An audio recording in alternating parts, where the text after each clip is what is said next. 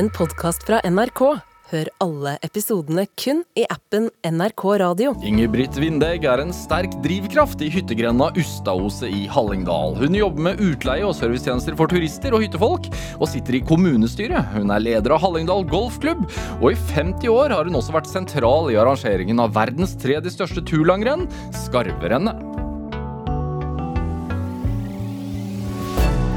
Dette er Drivkraft med Vegard Larsen i NRK P2. Ingrid Windeig, velkommen til Drivkraft.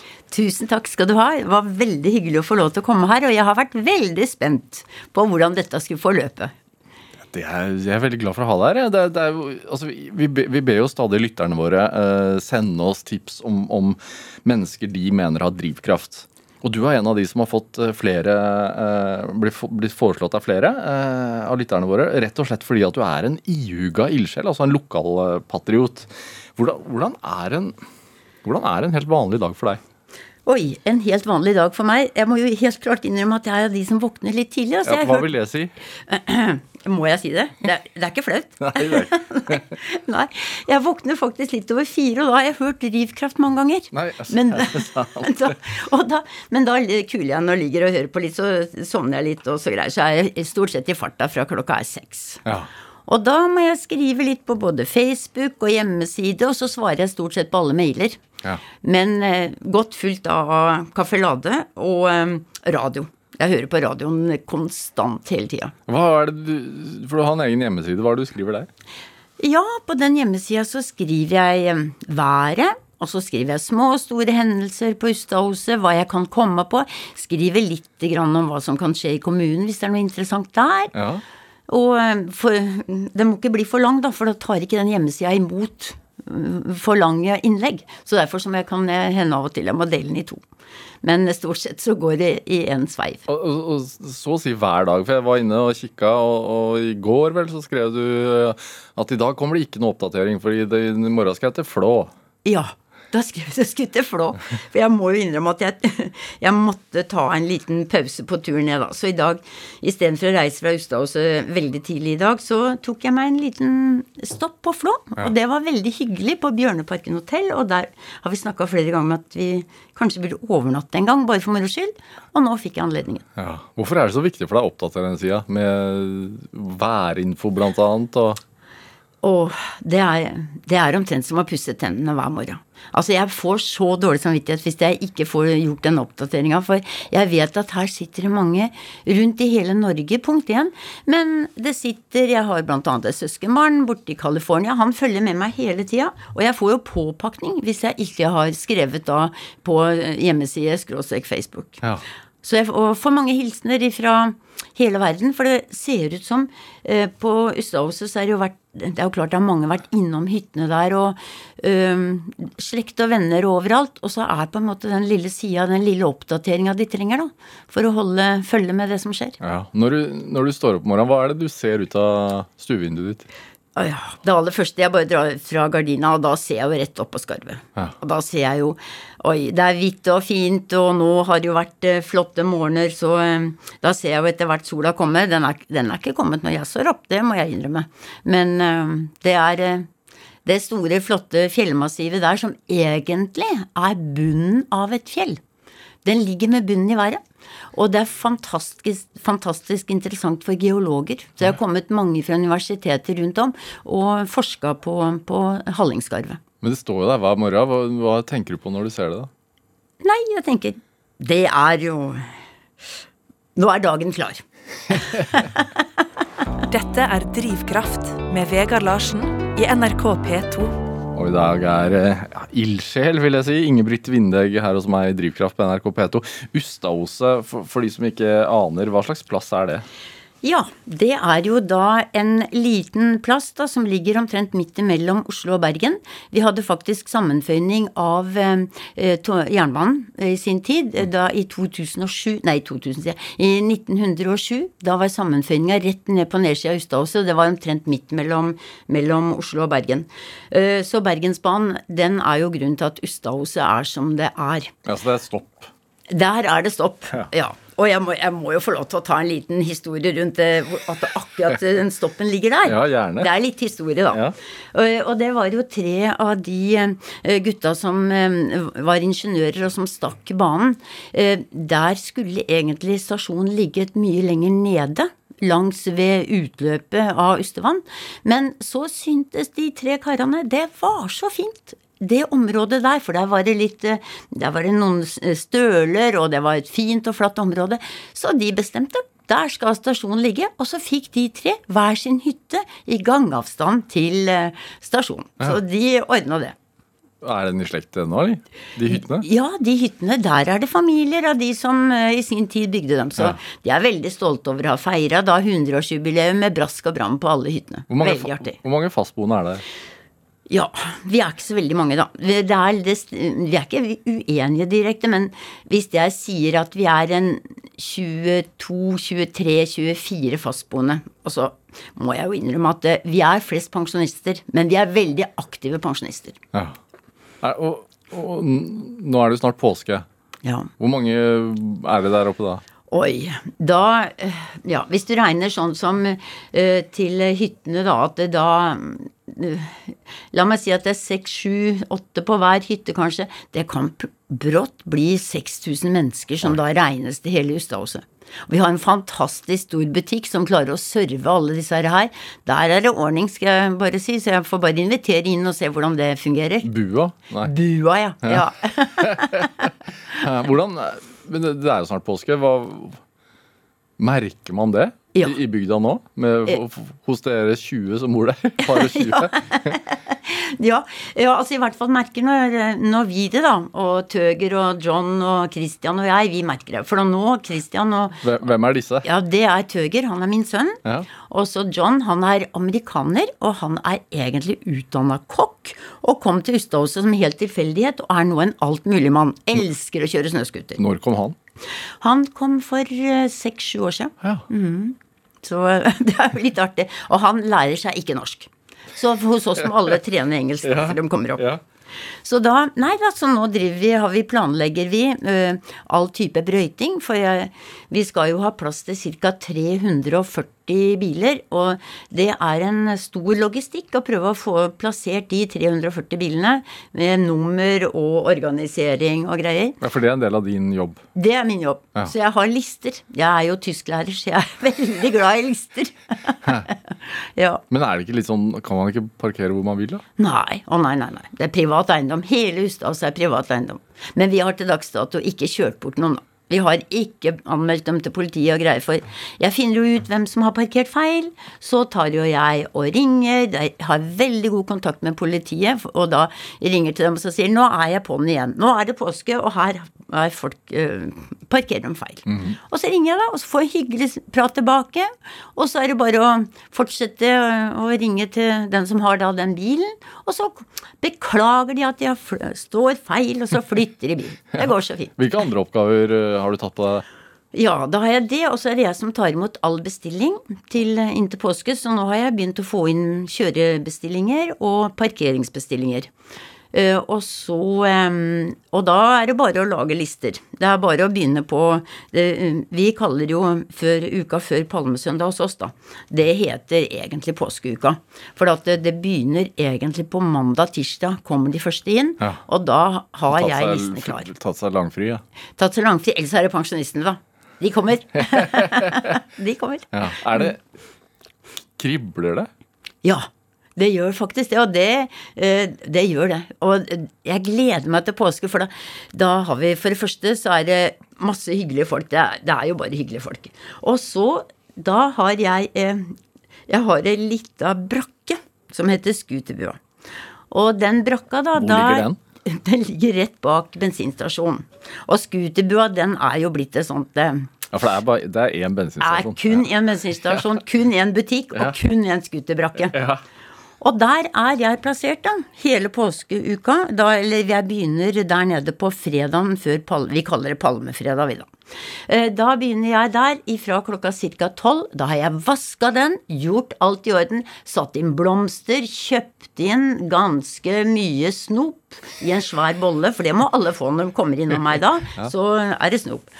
Og så er jeg klar med alle mine lister og telefonen med plugga i så jeg vet at jeg har strøm nok. Og så sitter jeg der til klokka blir elleve-halv tolv på kvelden på fredagen.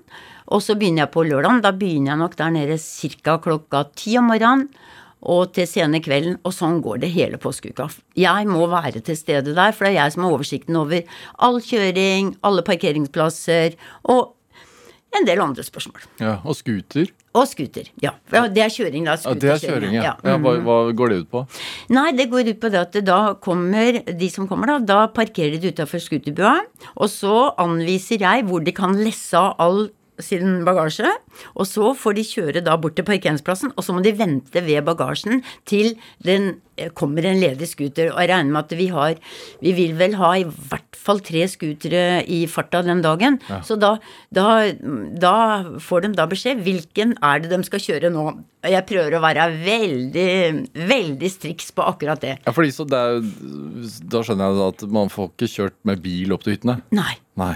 På Ustadås er det ikke, ikke råd å kjøre med bil, og eh, det er jo det er flere ting. Men det er også et stort veilag, og det veilaget, eh, der ligger det bestemmelser at det ikke skal brøytes oppover Ustadhuset. seg. Men det er jo noen som har ønska kunne få brøyta vei, og det, da må det være x antall folk som må møte personlig på det veilagsårsmøtet osv. Men greia er at hvis vi skulle brøyta vei oppover, så måtte vi hatt i hvert fall to eh, eh, ansatte til å brøyte, for da skal det jo brøytes hele tiden. Og da det er en jobb så stor at jeg ser nesten ikke at det er mulig. Nei. Og da måtte vi bygde om veiene, bredere veier. Alle grøfter måtte bli mye bedre. Eh, Det er en jobb som er uvirkelig stor, i hvert fall med en vanlig snø som vi har i fjellet. Men er det ikke et sånn tilleggselement av sjarme at man ikke får kjørt oppå? Jo, det er jo da neste. Var fint du sa det. Veldig bra. Fordi at det, det er jo fordi at eh, da, hvis vi begynner å brøyte veiene, så kom det jo alle de flotte løypene som tråkkemaskinen kjører hver bil i dag. Da hadde jo de blitt eh, nedkjørt og, og trøblete. Så eh, nei da, vi er veldig glad for at alle løyper går ut fra Ustadåset sentrum. Så tråkkemaskinen gjør en kjempejobb der. Det er en del eh, debatt rundt eh, hytteutbygging og, og hyttefolk. At mamma kommer og tar seg til og, og drar igjen. Hva, hva tenker du? Der er jeg veldig klar. For det første så er det vi som legger til rette for hyttebygging. Eh, Det gir arbeidsplasser til, eh, til folk på, ja, oppe hos oss f.eks. Det gir arbeidsplasser til snekkerfirmaer fra Geilo. Det gir arbeidsplasser for noe som er kommet mye mer. Det er jo en type vasking av ymsehytter, ymse hytter. Og ikke minst en butikk og en bensinstasjon som eh, vi får, eh, som da får kunder. Ja, For det hadde ikke gått rundt hvis ikke. Nei, mindre, mye mindre hytter hadde ikke det. Eh, det er jo ikke så veldig lenge siden at f.eks. for eksempel sånn som butikken og sånn, det var jo mye mindre folk der. Nå er det en stor, fantastisk butikk som eh, kan matche nesten en stor butikk her nede, nede i hovedstedene, holdt jeg på å si. Og jeg tror at eh, Og, og jeg, jeg har ikke helt forståelsen av at eh, en type konflikt kan du si da med hytte, de som kommer til hyttene og de som bor. Jeg syns det er helt fantastisk. Vi er jo så heldige at de vil komme opp til oss og være hos oss og være med på det vi driver med. Det er jo helt supert. Ja. Kjenner du disse hyttefolka? Ja, Ja. veldig. Ja, altså vi har jo nøkler til Ja, vi har vel kanskje til rundt som, vi, som henger hos oss der rundt 80-90. eh, Pluss at vi har da alle kjørekunder. Så jeg kjenner alle sammen. Føler jeg i hvert fall. Hm, hvor viktig er det? Og det syns jeg er veldig kjekt. Veldig ålreit at vi, vi kan ha den der lille praten, eh, enten da i scooterbua eller når folk ringer til meg på telefonen. Og, for jeg tar gjerne telefonen. Ja, Hvis et problem oppstår? Og hvis problemet oppstår, da ringer de jo til oss. Og da, ja, sånn som her om, om kvelden, så ringte deg, da var klokka ti. Toget var altfor forsinka, og veldig forsinka, og de kom da ikke inn i boden hvor de skulle sette på vannet til hytta. Og hva gjør de da? Ja. Jo, ringer Ting-Britt. Og jeg, hva i verden gjør jeg? Har jeg nøkkelen til den hytta? Har jeg nøkkel til den boden? Inn og lete i det store nøkkelskapet. Og jammen i meg, der hadde jo jeg nøkkel til boden. Da kjørte jeg bort til hodet på kvelden og låste opp. Ja. Ja. Er det det er ikke mye hvile i, pausa nei, i påska for deg, da? Nei, nei, nei. nei. Da nå, jeg lader opp igjen nå, jeg. Hva, men når de drar igjen, da? Ja, da er det stor Da har jeg laga lister, da, selvfølgelig, hvor det står avreiser med et kvarters mellomrom om, på tre, på tre scootere. Og så ringer folk. Ringer igjen da og sier du, Ingrid, jeg skal gjerne ha kjøring klokka tolv. Ja, For mange skal enten kjøre hjem igjen, eller så skal de rekke toget. Ja, hjem ja. rekke toget. Og da er det jo kjempeviktig at jeg vet ok, klokka tolv, da har jeg faktisk én tur ledig, de to andre scooterne er opptatt. Men så må jeg jo innrømme, da, at jeg har jo min egen scooter på utsida av scooterbua. Så hvis det er kjempekrise, så hiver jo jeg meg på den scooteren og får dem ned. Så dette klarer vi. Det går fint. Hva er det morsomste med å kjøre scooter? Jeg holdt på å si da burde du nesten komme opp og være med. ja. Nei, det er morsomste å kjøre scooter. Jeg tror den følelsen, og det, det merker jeg jo på folk som ikke har vært med før, den følelsen de har når jeg da kjører på hovedløypa, kan du si, og så svinger av inn til hytta, og liksom jeg kan kjøre hvor jeg vil. Altså akkurat, Det er jo når det er hardt og fint som det er nå, så kan vi jo kjøre akkurat hvor vi vil.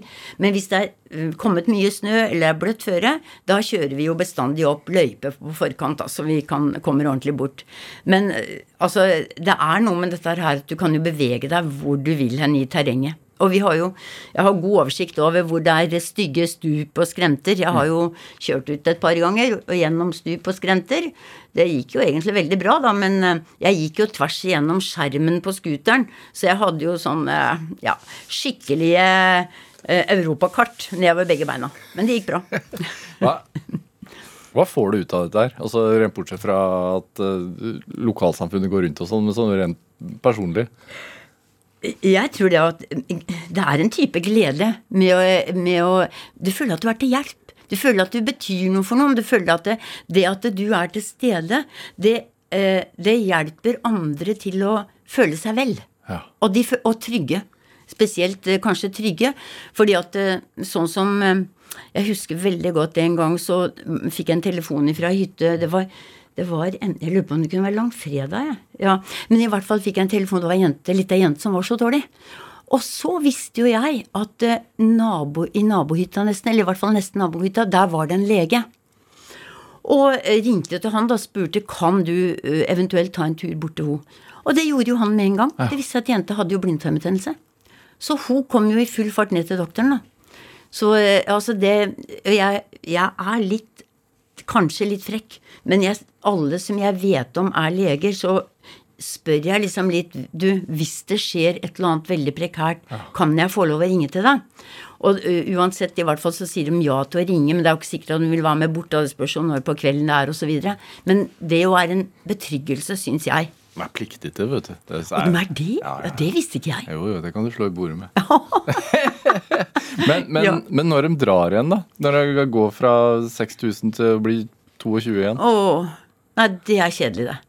Heldigvis så har vi jo skarverennet etterpå, da. Det er jo enten ei uke eller 14 dager etterpå. Så da har vi jo da har vi i hvert fall den helga å se fram til. Men når sistemann er reist fra typ skarvrennet på De reiser kanskje da søndag etter skarvrennet, mandag etter skarvrennet. Vet du, det er som å skru av en bryter. Det er så rart. Parkeringsplassene er helt tomme. Her var det jo for en uke siden liv og røre. Og butikken, der rydder de opp, og hjemme så, så begynner jeg å skrive fakturaer, da. Så da har jeg jo egentlig nok å gjøre en stund. Ja, Det er, som, det er som når unga flytter ut, si. ja, ja. ja omtrent akkurat maken. Dette er Drivkraft med Vegard Larsen i NRK P2. Og i dag er uh, ildsjelen fra Ustad hos eh, Ingebrigt Vindegg her hos meg i Drivkraft på NRK P2. Det med, uh, det med skarverennet eh, eh, så Jeg leser på sida at eh, det er verdens tredje største turlangrenn. Ja. Eh, Ja. Du har vært med fra starten av. Ja. Eh, husker du første ja. Ja. Husker jeg veldig godt. når, når var det? Det var da i 1974. Ja. Ja. Og, og dette skarvrennet, det, er- ettersom vi sitter her, så kan jeg jo dra en historie på det òg. Det ble da skapt i, eh, nede på Ustaos hotell. Det var veldig, veldig kjedelig, for egentlig så hadde, var det tre mannfolk som hadde uh, laga i stand og skulle lage til et tjohei dundrende uh, renn for alle hotella på Geilo. Men de møtte jo ikke. De møtte jo ikke opp. Det var gratis buss fra Geilo til Ustadhuset, men de møtte, jo, de møtte jo ikke opp. Det kom ingen skiløpere? Nei. Hæ? Nei, altså Hotellfolk. Jeg, jeg tror ikke de syntes det var noe artig, det. Nei, det tror jeg ikke var noe artig. Øh, og Er det da- forskjell på hyttefolk og, hotellfolk? Nei, men dette var de som jobba på hotell. Å, det var de som jobba, ja. Jobba på hotellet, ja, ja, ja, ja, ja. Nei, nei, nei, de andre, nei, det blir Nei, det er ikke det samme. Nei. Og da var det jo tre stykker, da. Da var det han, eller fire var han vel faktisk. Det var han Even Svelland, og det var han Kåre Skaro, og det var min mann han Stein Vindegg. Og så var det eh, Ja, nå glapp jo det navnet, men det er ikke så farlig. Men turistsjefen på, på Geilo. Eh, Det var de fire. Og da fant de jo ut at eh, dette dette er for gæli. Her sitter vi og har både premier og alt. Og så sier de nei, vi må lage, vi, nå skal vi lage et renn, og det skal gå første helga i mai. Og det skal gå fra Finse til, uh, til Ustadhuset. Og jeg husker godt da Stein kom hjem da den, der, eh, den dagen i, i januar. Og, og sier at nei, nå har, vi, nå har vi bestemt at nå skal vi lage skirenn som det er sus i. ja. Og dermed så, så ringte de da til eh, leder i Geilo idrettslag den gangen. Jeg tror han het Alf Våler. Nesten sikker på det. Og ringte til han, og så sier de da at nå skal vi prøve å få til dette her. Han var litt skeptisk, da, men var greit nok. Han, eh, han eh, kunne være med på det. Og da ble det da første helga i mai. ja. Og det var eh, 1200 som var påmeldt, og var fantastisk vær. 14 dager på forkant. Jeg har bilder hvor jeg går med, med, med bikkja oppover og møter han Stein og han Kåre Skaro på tur. Da lagde de i stand løypa og greier. Og fikk jo dette her sånn eh, til, og det var så fint. Og så kom den dagen. Da hadde vi jo ingen værvarsling som vi har i dag. Og det snødde, og det blåste, og det var helt forferdelig. Og dermed så, eh, så eh, tok de da og eh, Ja, de, fikk jo, de starta jo. Men de måtte jo bryte av rennet. Ja. Håkon Ringdal, nå kom navnet vet du, på turistsjefen som jeg glemte sånn her i stad. Det er typisk, det. Men Håkon Ringdal, han var da han var den som skulle organisere dette her. Og sjøl så hadde jeg akkurat operert kne, så jeg var jo satt jo der, og, øh, og det er sikkert derfor jeg husker alt så godt, for jeg var jo delaktig, for huset vårt var nemlig uh, uh, koet den gangen. Åh, og jeg, jeg glemmer ikke at Håkon Ringdal sto i døra sånn 'Dette går aldri bra, dette går aldri bra, vi må få dem ned.' Men da skal jeg si det at da var det scooterne som sto opp og kjørte ned folk til Haugastøl og nedover. Og det var, det var noen få forblåste sjeler som kom ned, men de skjønte jo ikke hvor de var, for jeg fikk jo beskjed at der jeg satt i vinduet 'Ingebrigt, du må si ifra hvis det kommer noen her', for da alt som heter målområdet, var blåst vekk. Ja. Og det som, det som starta som en sånn uh, idealistisk eh, og litt sånn lek og moro, egentlig, for ja. 49 år siden i år. Ja, Eh, ja, skal gå Det er gå av 50. stabelen. skal jeg nå. Er det 50. nå? Ja, ja. Ja. -hmm. ja. 74. Ja, og Ja. det starter nå Ja. 22. april, og det er 12 000 deltakere eller noe sånt? Ja, det var, vi kan ta 12 000 deltakere. Ja. Men vi håper jo på at det, Jeg har et stort håp om at det blir 10 000 i år. For vi, har, vi var jo veldig trevarlige da. I 2020, med de fantastiske forholda, da ble det jo avlyst Ja, på grunn av 13. mars. Det var. Ja. Og det var jo så forferdelig. Og så måtte vi avlyse året etter òg, fordi at det da var jo dette med de kohortene og alt det greiene var ikke råd og Det var ikke råd å få det til. Men, men, men det Hva slags endringer har, har det gått gjennom på alle disse åra? For det må jo ha blitt veldig profesjonalisert? Åh, det er, det er jo helt uvirkelig hvor flott det, er blitt. Eh, siden, nå husker jeg ikke akkurat årstallet, men vi fikk jo en ansatt bare som jobba skarvrenn. Bare det å arbeide mot alle sponsorer, de skal ha en hyggelig tid, og de skal jo være med og, og sette sitt preg på rennet. Og, og de, skal, de går jo veldig mange av dem. De lager jo dette her som en happening for hele, eh, for, ja, for hele firmaet sitt. Og, er jo veldig, veldig gode støttespillere inn i skarverennet. Og de og så er det jo bare det med alle de tinga rundt tog. Før var det jo sånn at ok, førstemann til toget fikk, fikk, jo plass på første toget, da. Men så ble det jo, fikk vi jo sånn at de eh, får billetter til det og det toget. Og du kommer jo ikke inn på det toget hvis du prøver Eller du kommer jo ikke inn hvis du prøver deg på et annet tog. Du må holde deg til det toget du har fått bestilling på. Så um, Hva er dine oppgaver, da? Jeg, jeg har en, en, herlig jobb som heter arrangementsteknisk leder. Ja. Og det betyr at jeg, jeg holder eh, tak i alle de som Jeg holder tak i det som jeg pleier å si er kakepynten. Jeg har ingenting med rennet fra start til mål å gjøre. Premieutdeling, eller, jo, premieutdeling hadde jeg før, men det er nå lagt inn i sek eh, type sekretariat. Men jeg har med de, med de som er flinke og står på med parkering, overnatting oppe hos meg, vakter der og Altså du har folk boende hjemme hos deg sjøl? Uh, ja, no, ja, ikke boende. Der er det noen som kommer på kvelden. Um, de kommer opp på Skarvrenskvelden sånn i titida, for de vil gjerne være med. Og de, er, de sitter oppe hele natta og passer på at ingen kommer inn på området. Ta, han Mannen tar seg en tur ned med lommelykt og greier. Han der uh, Audun Johansen tar seg en tur ned med lommelykt og går over området og sjekker at her kommer ingen uvedkommende inn. Og så er det, ja, så er det full fart, for ja. å si det sånn. Hvor, hvor viktig er det med frivillighet? Det er alfa og omega. Ja. Dugnadsarbeid og frivillighet inn i skarvrennet, det er, det er så fantastisk. Og eh, jeg vil jo si det at det, har, det å ringe og spørre kan du være med eh, slik og sånn, så er det jo bare ja å få. Hvorfor stiller folk opp, tror du? Ja, Det er et godt spørsmål, men jeg tror de vil være med og på en måte bidra til dette store arrangementet. Vi er jo egentlig veldig kjent. Og til det store arrangementet som blir omtalt på radio, på TV og alt. Og så ser vi jo hvor mye penger dette her genererer tilbake til Geilo idrettslag. Mm. For hva vi har fått til i Geilo idrettslag pga. Skarvrenspenger, det er helt uvirkelig. Ingebrigt Winberg, vi skal spille litt musikk. Du, du, har med en låt som ikke jeg har hørt før, i hvert fall. Eh, 'Svarta bjørn', hva er dette her for noe? Å, 'Svarta bjørn'. Altså til og med når du sier det her sånn Det er jo en så barnslig sang. Det er en fullstendig naivistisk sang. Men jeg tenker, dette her er jo en attribute, for å si det sånn. Svarta bjørn har jo personifisert til alle de jentene som tok på seg jobb som kokker i alle våre anlegg rundt f.eks. Bergensbanen, Ofotbanen, det er jo den som blir sunget om her. Mm. Men ikke bare det, men hun er det, Den svarte bjørnskikkelsen er jo skrevet og sunget og bøker og alt mulig om. Men jeg har nesten på følelsen at det er også litt svarta bjørn i de, de, alle de kvinnene som dro fra Hol kommune og til det ukjente Amerika. Tenk på, det dro over 2000 mennesker fra Hol kommune over til Amerika. Og der var Det var noen flere menn, det var uh, en, en kvinner, men Og en eldste, eller ene jente der, hun var 18 år gammel og hadde med seg lillesøstera si på fem. Altså, hun var jo en svarta bjørn. Altså, jeg syns det er a tribute ja, til alle disse. Skal vi høre? Ja, gjerne.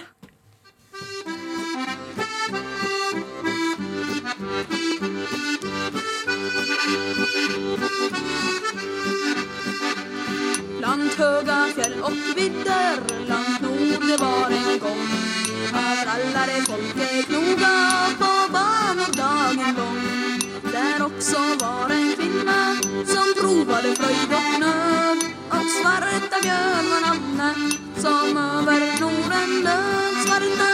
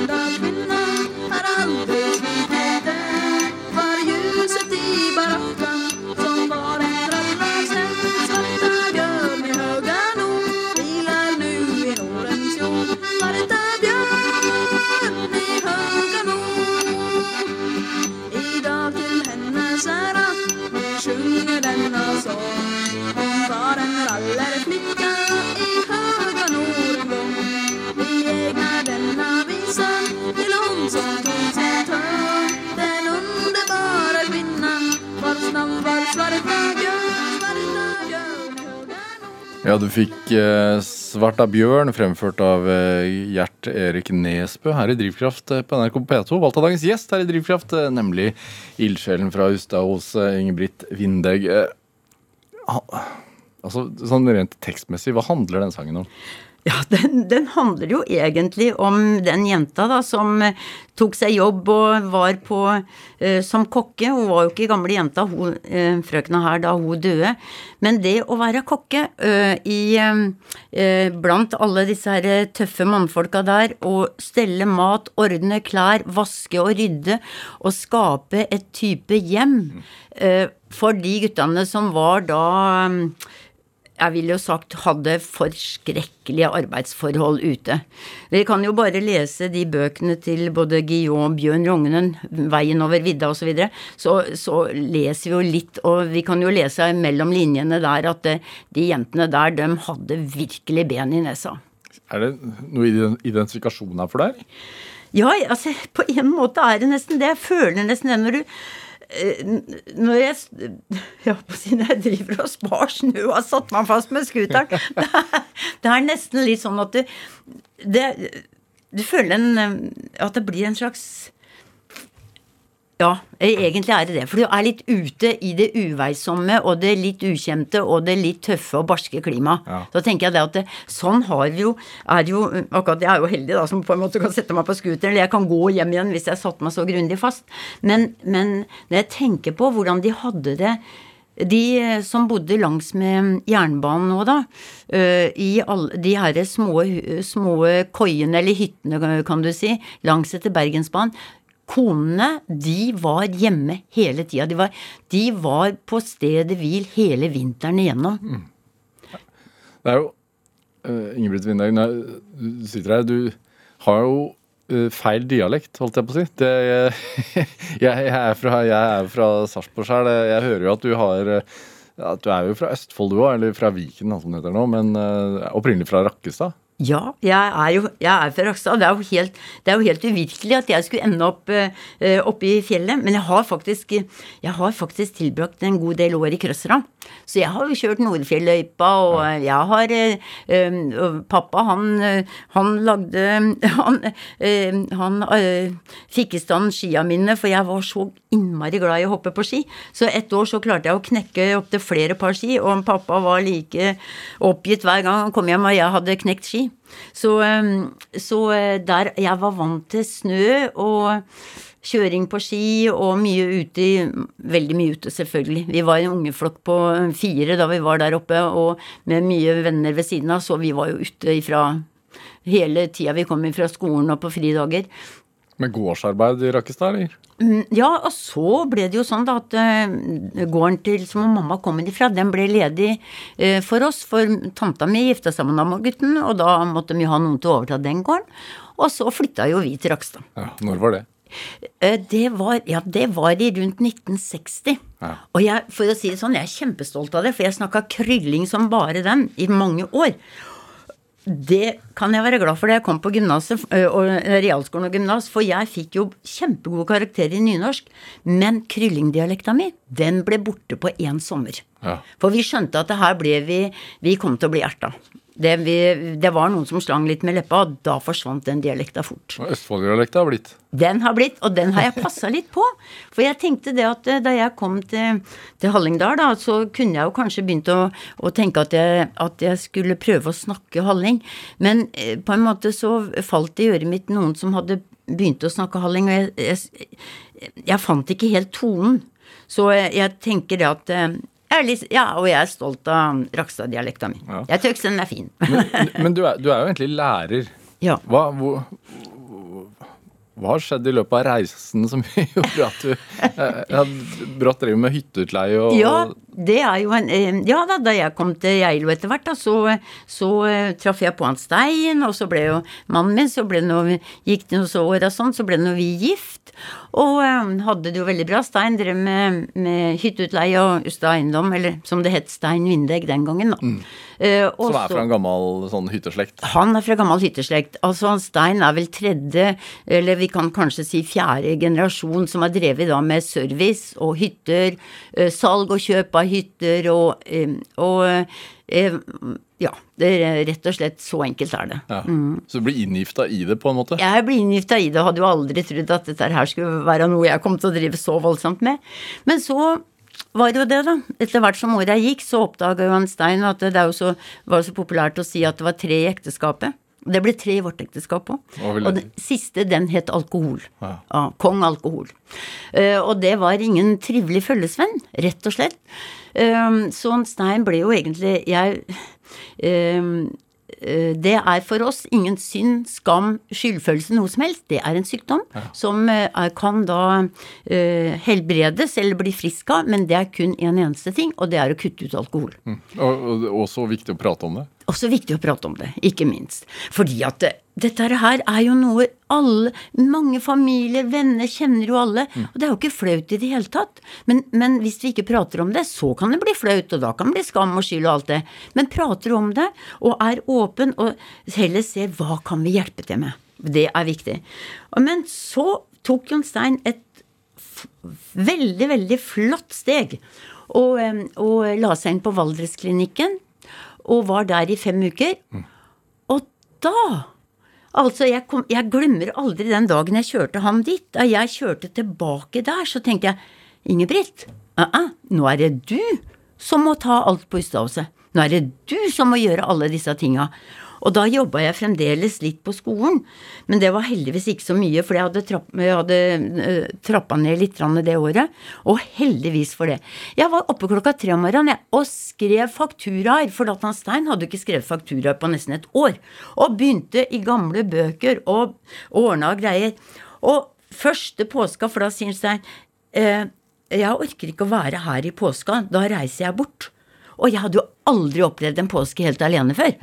Men jeg hadde heldigvis en veldig god hjelper, en som heter Geir Bardulsgaard, og vi henta inn flere til å kjøre scooter. Og jeg starta opp nede i scooterbra, og siden har jeg vært her. Ja. Du måtte bare brette opp erma. Følte at du ikke hadde noe valg. Hadde ingen valg. Nei, nei overhodet ikke. Fordi at uh, det var jo en, en, en tanke, kanskje, uh, at vi kanskje skulle selge. Altså, jeg vet at uh, Stein kanskje sysla med den tanken, men jeg, jeg vet ikke riktig. Han trodde vel aldri at jeg skulle klart det. Det trodde ikke jeg heller. Men eh, altså, jeg hadde jo noen foreldre hjemme, da. og Pappa sa det. 'Dette her må du nå klare'. Og da måtte jeg vel klare det. Ja. Er det, det I forhold til det å være pårørende til, til en alkoholiker hva, Hvor viktig er det at, det ikke, altså at man kommer over den skamfølelsen? Det er noe av det aller viktigste det er. tok det der lang tid? Nei. Ikke i det hele tatt. Fordi at eh, da vi kom til Valdresklinikken, så eh, måtte jo vi som pårørende vi, må, vi hadde også et ukes opphold der. Og det var veldig fint. Guttene var der, eh, svigerdatter var med der, og i det hele tatt, det var kjempeviktig. Og da var det, fikk jeg klar melding, for jeg, ble jo så rasende når Stein var full. For fordi at eh, Hvorfor eh, du, du får jo ikke gjort jobben din, og, og ting, ting gikk jo gærent. Og da sier hun eh, Og det var aldri noe sånt at, eh, at dette ble gjemt bort for guttene. Aldri. Og da sier hun som da var lederen på Valdresklinikken der, at Ingebrigt, du reagerte med det eneste saken som var riktig, nemlig Og da brukte hun uttrykket sunt sinne.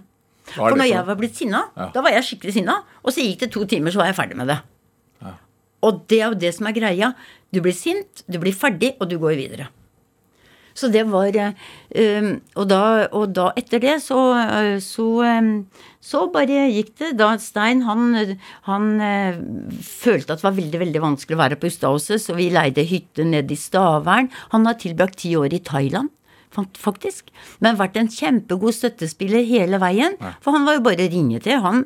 Og han kunne jo alt om både hytter og om, om tomter og om av, gamle avtaler og greier. Så det, nei, det gikk fint. Det gikk fint.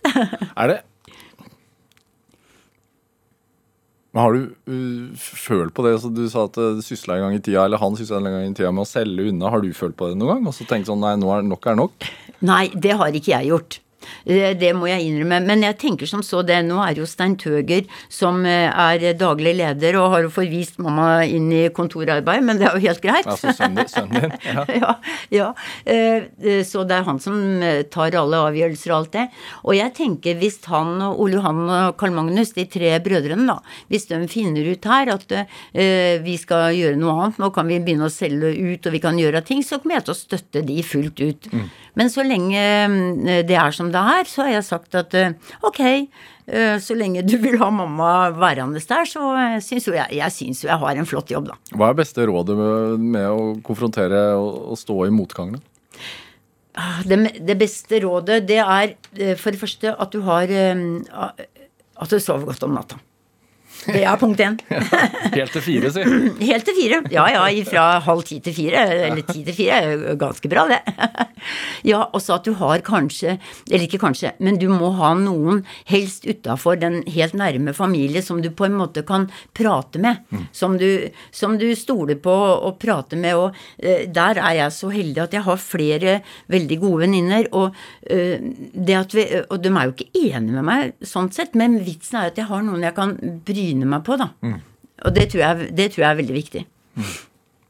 Hva er rådet ditt da til pårørende av alkoholikere? Rådet mitt er full åpenhet. Fra dag én. Aldri skjule noen ting. Søk hjelp hos profesjonelle.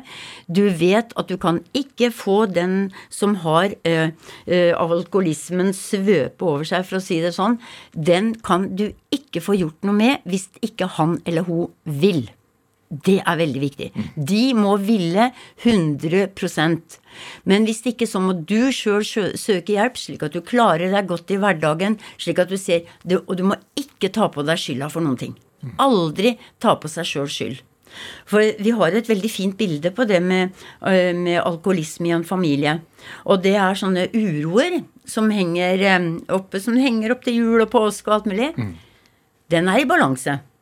Men i en alkoholikerfamilie så klipper du av den ene biten på uroa. Da faller uroa sammen. Og sånn blir det med familien nå. Og derfor så er det så viktig at det er full åpenhet, full åpenhet til ungene, og, at, eh, at de eh, at de, og at de er trygge. Måtte du prate med noen sjæl? Eh, Egentlig ikke, fordi at Ja, jeg hadde jo, jeg hadde jo mamma og pappa hjemme, da. Jeg var jo kjempeheldig som hadde foreldre som De backa meg opp noe skikkelig. Eh, og så må jeg jo si at det oppholdet på Valdresklinikken, eh, da vi hadde vært der og en hel uke Vi ble jo kjørt ganske tøft der borte, vi òg. Det var en veldig stor hjelp. Og det var hele tida pinpointed at eh, du har ingen skyld. Det er For det, det er jo mange, mange ting som de sier om alkohol, alkoholikeren, at det er arvelig, og at det er mm, gener og ja, bla, bla, bla. Masse sånne ting. Eh, og det, det ser vel kanskje sånn ut at det kan typ være en uh, type arvelighet. Men, uh, men det er veldig vanskelig å si. Men vitsen er at det er den som har da um, Har da alkoholikerens um, ja, hjerte hode han eller hun kan ingenting for det sjøl når jeg er kommet et visst ikke. Det nytter ikke å si det. Nei, du må bare ta deg sammen. Det er helt umulig. Helt umulig. Er, blir du stressa noen gang? Ja, det har jeg lurt på. ja, nei, ja, altså, jeg vet ikke riktig om eh, eh, stressbetont. For eksempel eh, ikke over lang tid, tror jeg. Det tror jeg ikke. Men jeg, jeg kan bli Jeg kan få eh, Jeg lurer på om stress kan være litt sånn der dårlig samvittighet hos meg mange, noen ganger, jeg.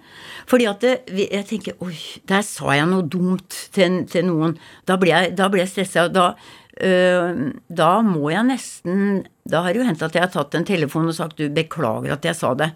Det var ikke sånn ment. Og da, øh, men da har jeg også fått et svar tilbake. Hva da? For de har ikke skjønt at jeg på en måte kanskje, kanskje var litt ufin eller noe. Men da, eh, da må jeg på en måte jeg må på en måte be om unnskyldning, ja. Og da har jeg funnet ut det er bedre å be om unnskyldning eh, noen ganger for mye enn for lite. uh, Ingrid jo, altså påske er jo jobbhøytid for deg. Nå tar du ferie, da? Eh, jeg tar ferie.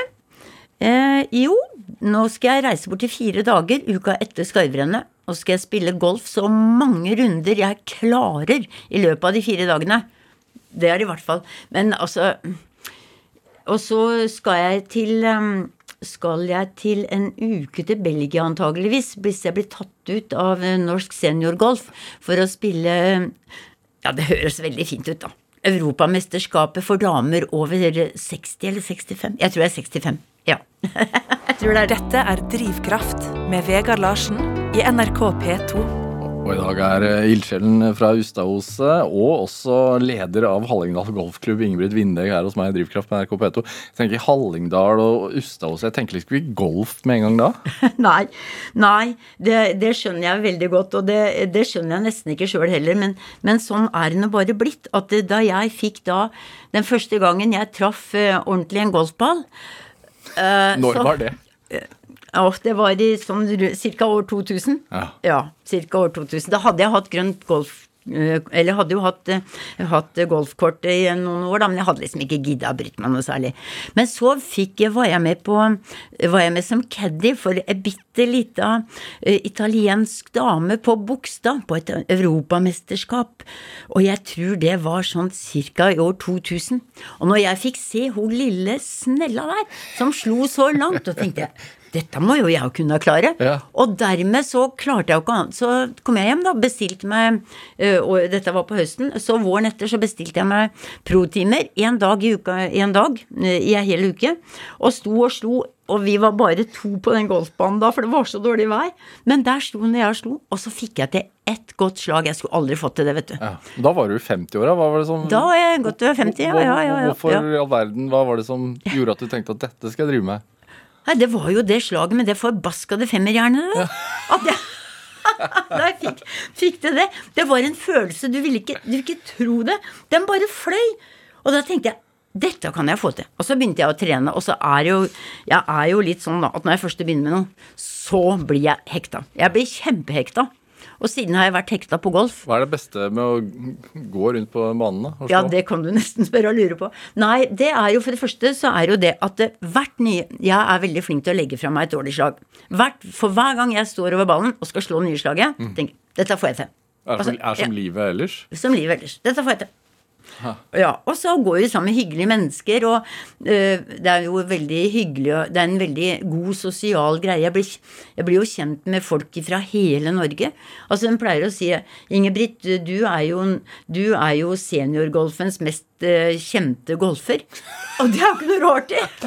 Hvorfor er ikke det noe rart? i? Nei, for det er jo helt uvirkelig å bo på 1000 meter over havet og så spille bra golf. Ja, men du har egen golfbane, har du ikke? Jeg burde jo det. Jeg, ja, jeg har Jeg hørte noen rykter om det. Ja, det var jo guttene, da. Så jeg kom hjem en, en sen kveld, da så jeg jo ikke, men jeg så det jeg kom ned om morgenen og tenkte men all verden, hva er dette for noe rart? Da kom jeg, gikk jeg ut, og der hadde jo guttene laga en sånn en fem ganger to meter med kunstgress. For da hadde de fått med seg en hel haug med andre gutter. De har vært nede på Geilo og henta hoppetuset, spadd opp plenen og laga til den derre med kunstgress fra Midtstubakken, for en av guttene var jo eh, eh, var prosjektleder der mens hun bygde den. Mhm. Hadde, hadde tatt med seg overskuddsgress hjem, så det ligger jo oppe hos meg på Ustadhuset. Altså, sånn egen putter, eller sånn putte... Nei, dette er utslag. Veldig fint å stå og slå sånne korte utslags, eh, utslag med. Det er, og det er, der, det er jo der poenga ligger. Det er jo de korte. hvor, hvor langt kan du slå der, da? Jeg, jeg kan slå Jeg kan fint slå inn på 50 meter. Ja. Men er- fordi huset ditt ligger jo litt sånn oppi altså man, Når man stopper på Hustadhuset stasjon, Ja. kan man se huset ditt oppover. Ja, ja, du ser det ikke fra stasjonen, du ser det fra rv. 7. Da ser du det ligger litt opp, ja. Mm. Ja. Og så har du den utslagsbanen rett utafor. Rett utafor kjøkkenvinduet. Så, du, så på vårparten eller sommerstid Ja. så må man være litt forsiktig når man går av toget? Ja, ikke toget, heldigvis. Jeg ligger er heldigvis langt fra toget, da. Ja. Jeg ligger, ja, ja, ja. Nei. Men jeg har jo hatt noen, jeg har jo hatt noen som har vært på besøk, da, som har test, skulle teste dette her. Ja. Så de slo jo da opp mot låven, ikke sant. Så glass, glassrutene singla oppi der. Men ja, men de slår ikke jeg, da. Jeg har bedre vett. Men dette EM som du hva, Ja. hva, hva, skjer der? Jo, der er det sånn at da er vi det er uttak da vi er de fire beste damene jeg tror det var, Jo, jeg tror det var de fire beste damene i Norge etter en utslags... Eller utslag sånn Vi får poeng for x antall eh, mm, X antall eh, runder vi går. Og så eh, er vi da I fjor var vi i Sveits. Så i år er det da i Belgia.